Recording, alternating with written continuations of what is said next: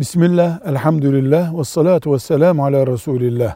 Kardeşlerimiz bir vakıf çalışması yapacaklarmış da ilk üç prensibimiz ne olsun, ne tavsiye edersiniz diye soruyorlar. Ona bu kardeşlerimize diyoruz ki ilk üç prensibiniz sürekli çalışma metodunuz ve en son hedefiniz üç şey olsun.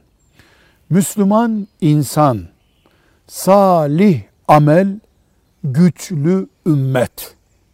Müslüman insan, salih amel, güçlü ümmet.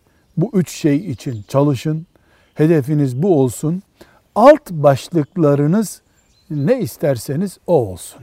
Velhamdülillahi Rabbil Alemin.